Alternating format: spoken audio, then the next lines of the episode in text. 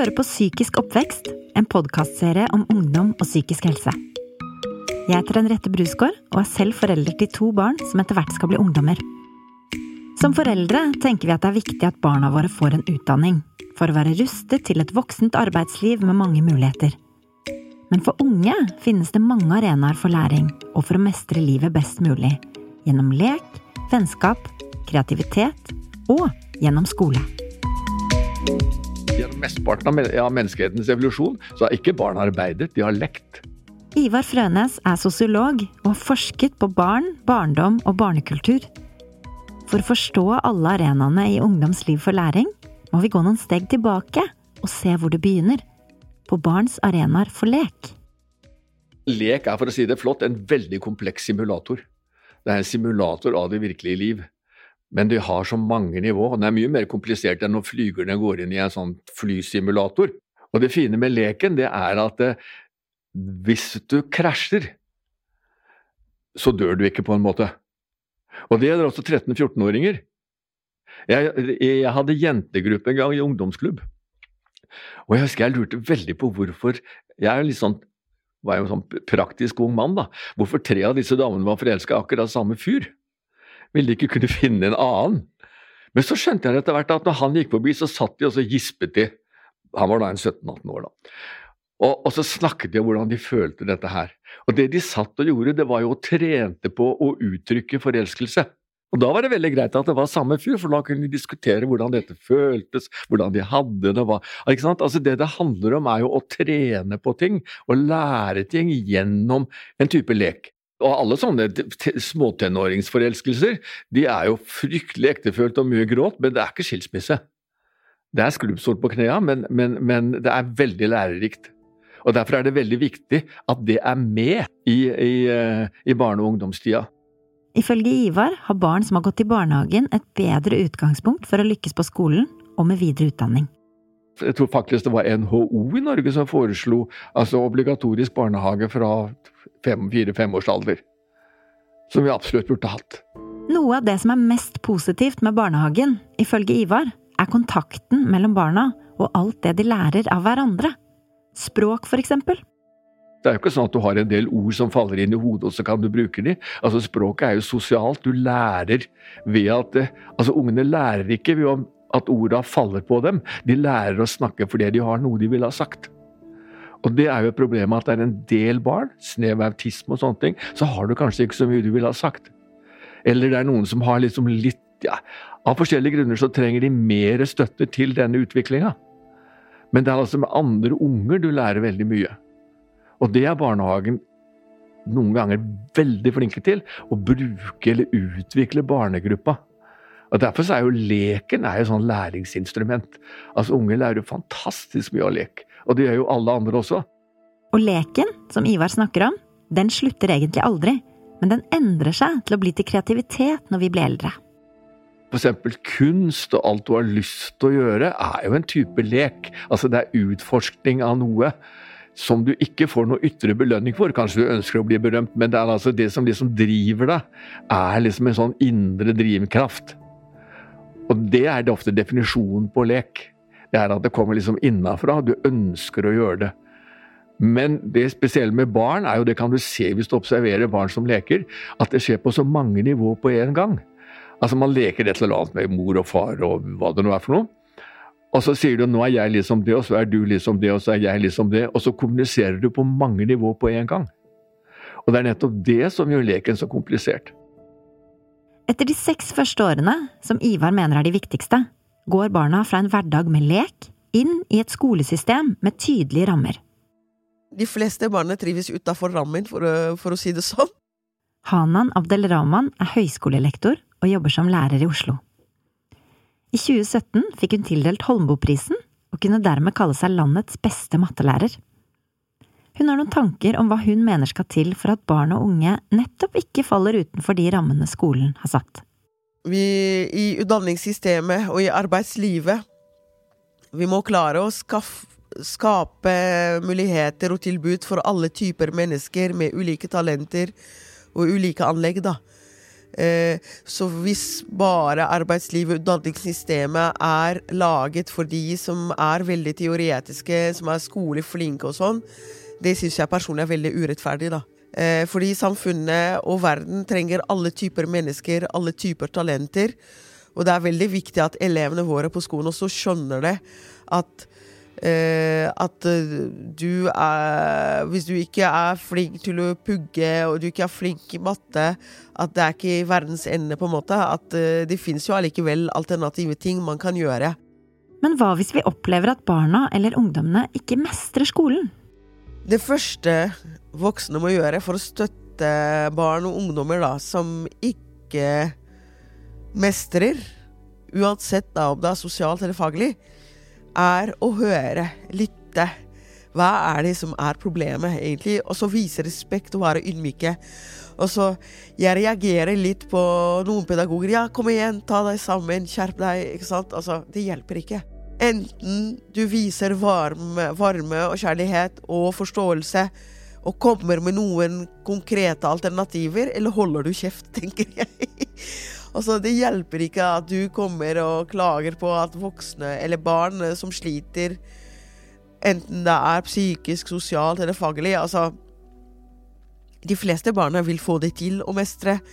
Og når de ikke mestrer, uansett hvilket arena da de ikke mestrer på, så er det reelt, egentlig. Fordi barn vil gjerne mestre. Men noen trenger ekstra dytt, noen trenger kanskje trygghet, noen trenger en annen måte å si det på. Noen trenger å jobbe mer med ting. ikke sant? Så det, det må vi bare ta inn over oss og gjøre noe seriøst med, istedenfor å si 'ta deg sammen, skjerp deg'. Hanan mener det er viktig at foreldre og skole spiller på lag og samarbeider. For å gi lyst eh, til barn og ungdommer til å fullføre skolen, så må foreldre være gode støttespillere, da. Eh, må snakke varmt om skolen, og ikke motarbeide skolen hjemme, på en måte. Altså, det hjelper ikke hvis eh, pappa og mamma sier hjemme Nei, matte er ikke eh, noe for familien vår. Har, alle, alle, vi har alltid vært dumme i matte og sånn. Det hjelper ikke. Selv om vi får mye av basiskunnskapen vår i barnehagen og i grunnskolen, lærer barn og unge også mye på andre av livets arenaer. Jeg eh, lærer veldig mye av politikk. Å være i ungdomspolitikken, det er jo samfunnsfag de luxe. Eh, du lærer utrolig mye mer om samfunnet rundt deg, om hvordan eh, valgsystemet er, og du lærer om forskjellige holdninger. Du lærer så utrolig mye mer. Hobbyer er noe man lærer veldig mye av. Eh, fritidsaktiviteter og sånne ting. Um, liksom Hvis man driver med en sport, så lærer man jo selvfølgelig om både den sporten, men også om hvordan man trener, hvordan man holder seg um, i aktivitet, liksom. I hvert fall i min vennegjeng så er det veldig forskjellige liksom interesser, da. Så jeg føler at uh, jeg ender opp med å lære litt fra liksom fotball, selv om jeg aldri har drevet med fotball. Et kompetansesamfunn er, som ordet forteller, et samfunn som bygger på kompetanse. I et kompetansesamfunn finnes det mange muligheter, og det stilles krav, men den spenningen skaper risiko. Det gjør at hvis du ikke har kompetansen, kan du rett og slett falle utenfor i samfunnet. Det er derfor veldig viktig at eh, vi som samfunn, eller som utdanningssystem, da legger for, til rette for å, at ingen føler seg utafor det systemet, og at alle får utfolde seg ut fra deres talenter og sterke sider. Eh, at eh, de som er teoritrette, får andre praktiske muligheter. Og de som er teoristerke, på en måte får sine muligheter, de òg. At det ikke bare blir bare en del av samfunnet som får alle godene, da. Men den tyske fysikeren og nobelprisvinneren Albert Einstein hadde lese- og skrivevansker, og lærte seg ikke å snakke før han var fire år. Og vi hører jo ofte om folk som har kommet langt i livet uten en eneste eksamen. Folk lykkes jo for så vidt uten utdanning, men altså, det er jo ikke sånn at hvis du snakker seint, så er du en Einstein. Altså hvis du ikke begynner å snakke før du er fire-fem år. Ivar forteller at før i tiden, da flesteparten av jobbene var i industrien, så var det slik at du fikk deg en jobb, og så lærte du alt det du trengte der, gjennom learning by doing. Det finnes fortsatt noen slike jobber, men de er ikke sett på som jobber man skal ha lenge. Du skal ikke være på McDonald's et helt liv i den der luka, men du kan være der en stund. For det er også typisk sånn hvor du virkelig Altså, de trener opp folk på jobben. De spør ikke hva du kan i de forskjellige faga. Men det er liksom såkalte DDNs, ikke sant. Du er der en stund. Så for å kunne henge med et kompetansesamfunn, så må du ha et visst nivå av regne, lese, skrive og sosiale ferdigheter. Jeg kjenner på det presset når det gjelder videregående skole, og at jeg, veldig, jeg fokuserer veldig mye på karakterer i år. Og allerede i niende så fokuserte jeg veldig på avgangsfagene i niende, som da var valgfag og mat og helse. Og nå er jo alle fagene avgangsfag. Så jeg har jo alltid det litt i bakhodet at uh, nå må jeg være litt ekstra på. Jeg rekker kanskje opp hånda én ekstra gang og er ekstra blid i timene for å gi best mulig inntrykk, sånn at jeg forhåpentligvis får best mulig karakter. Så det er jo noe som uh, jeg tenker på hver eneste dag. Hvordan jeg skal, hvordan jeg skal gjøre, gi et best mulig inntrykk og få de beste karakterene. Jeg liker veldig godt å si til meg selv og til andre Nei, men vet du hva, det er bare niende, det er ikke så farlig. Til, det går bra hvis du ikke får sekser på den prøven. Um, men så kjenner jeg jo fortsatt i meg selv at jeg, det er en veldig stor stressfaktor. Det er noe som gnager på meg hele tiden. Dette stresset er nok ikke de to jentene på Fyrstikkalleen skole alene om å kjenne på. Lærer Hanan stiller spørsmål ved hvor mye lekser og hvor mange vurderinger som egentlig er fornuftig for elevene. Jeg tenker lekser det skal være noe som man repeterer, repetisjon, og det skal være noe som gir mestring og god opplevelse. Eh, det er ikke mening at barn og unge skal sitte hjemme og lære stoffet alene. Eller eh, at pappa og mamma skal på en måte være lærere, da eh, trenger man å gi mange lekser som gjør at unge, barn og unge ikke får kommet seg ut, fått frisk luft, trent, vært sosiale med venner og sånn? Er det behov for det? Eller er det bedre å gi eh, fornuftig størrelse da, med lekser, som på en måte ikke er på bekostning av eh, barnas eh, psykisk helse og sosialt liv, da? Men hvordan burde vi foreldre legge opp leksene hjemme? Her vil jeg tro vi er flere som trenger tips. Den beste måten når det gjelder lekser, da, som forelder, er for det første å ikke krangle om det. Og at eh, Altså, alt med måte. Altså, jeg tenker læring er jo skolens ansvar, da, eh, syvende, til syvende og sist. Eh, hvis jeg som forelder opplever at eh, leksene er for vanskelig, og sånn, da må jeg ta kontakt med læreren og prate om det, eller for lette eventuelt, da. Pluss at jeg må vise engasjement. Jeg må spørre. Jeg må ikke slutte å spørre barna mine. Eh, og så passe på at eh, de gjør ting kvalitet, da. Det handler ikke om å sitte lengst mulig, altså fire-fem timer, men det handler om OK, hvis barna mine skal sitte en halvtime med leksene, da må det være kvalitetshalvtime. Og så tenker jeg at uh, kanskje ha noen klare rutiner hjemme. At uh, du får ikke gå ut før f.eks. du har gjort leksene dine i tre kvarter, et eller annet, da. Klare avtaler og rammer, det er sånn som fleste barna trives veldig godt med, da. Men er det egentlig slik at karakterer bidrar til læring? Nå klager jo unger veldig mye på at det er veldig mye stress og sånn. Men de som sier at de er stressa, er ofte de som jobber veldig mye, som er veldig dyktige. Og det er vel egentlig ikke så farlig. Altså, det er i hvert fall ikke noe samfunnet behøver bekymre seg over. Om den som blir nummer tre i langrenn eller nummer tre i en eller annen som nesten kommer inn på medisin og sånn. Vi kan tenke om det finnes bedre løsninger enn dette karakterracet. Man kunne si at når du kommer over et visst nivå, så trekker vi lodd, så sparer vi en masse meningsløs bruk av tid. Men det er altså de som faller unna, og de som ikke har peiling på hvor de skal hen. Det er de som trenger litt hjelp til å tenke over hvor er det jeg kan tenke meg. Er, altså Hvilken retning, hva er det jeg har lyst til å holde på med. Skolelærer Hanan synes det er synd at det har blitt et såpass stort press på å velge såkalte eliteskoler. Jeg tenker eh, det viktigste at ungdommer trives på den skolen de skal begynne på.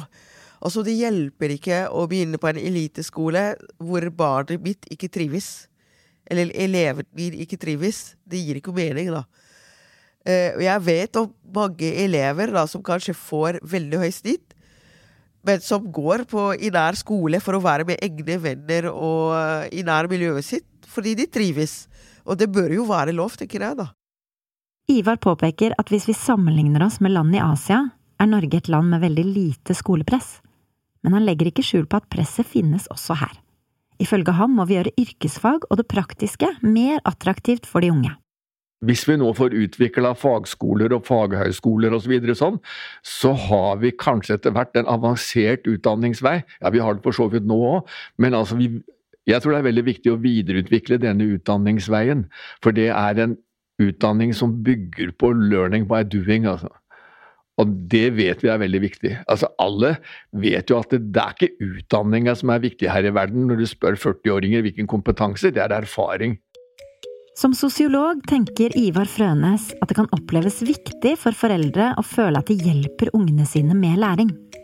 Det handler også om å se hva de er interessert i, og hva de faktisk liker å holde på med. Da er det nok også viktig, som jo mange foreldre har sagt, at de må ha litt grep om hva ungene er opptatt av. Det er jo en del foreldre som plutselig oppdager at disse her gamete ungene deres egentlig har ganske høy kompetanse.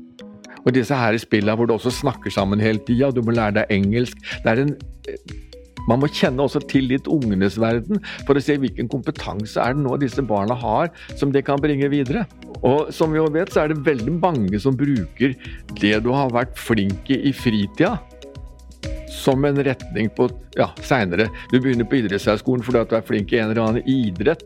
Du har lyst til å ut i naturen og drive med aktiviteter og hjelpe barn og sånn fordi at du egentlig har drevet med hest. Og, eller, altså det er veldig mye som man ofte glemmer at det er det som gir en retning. Så det er å hjelpe ungene med å finne retning.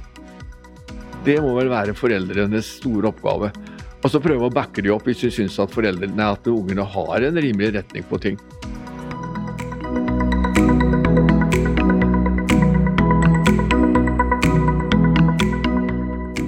Podkasten er produsert av Vrang Produksjon for Rådet for psykisk helse, med støtte fra Stiftelsen DAM.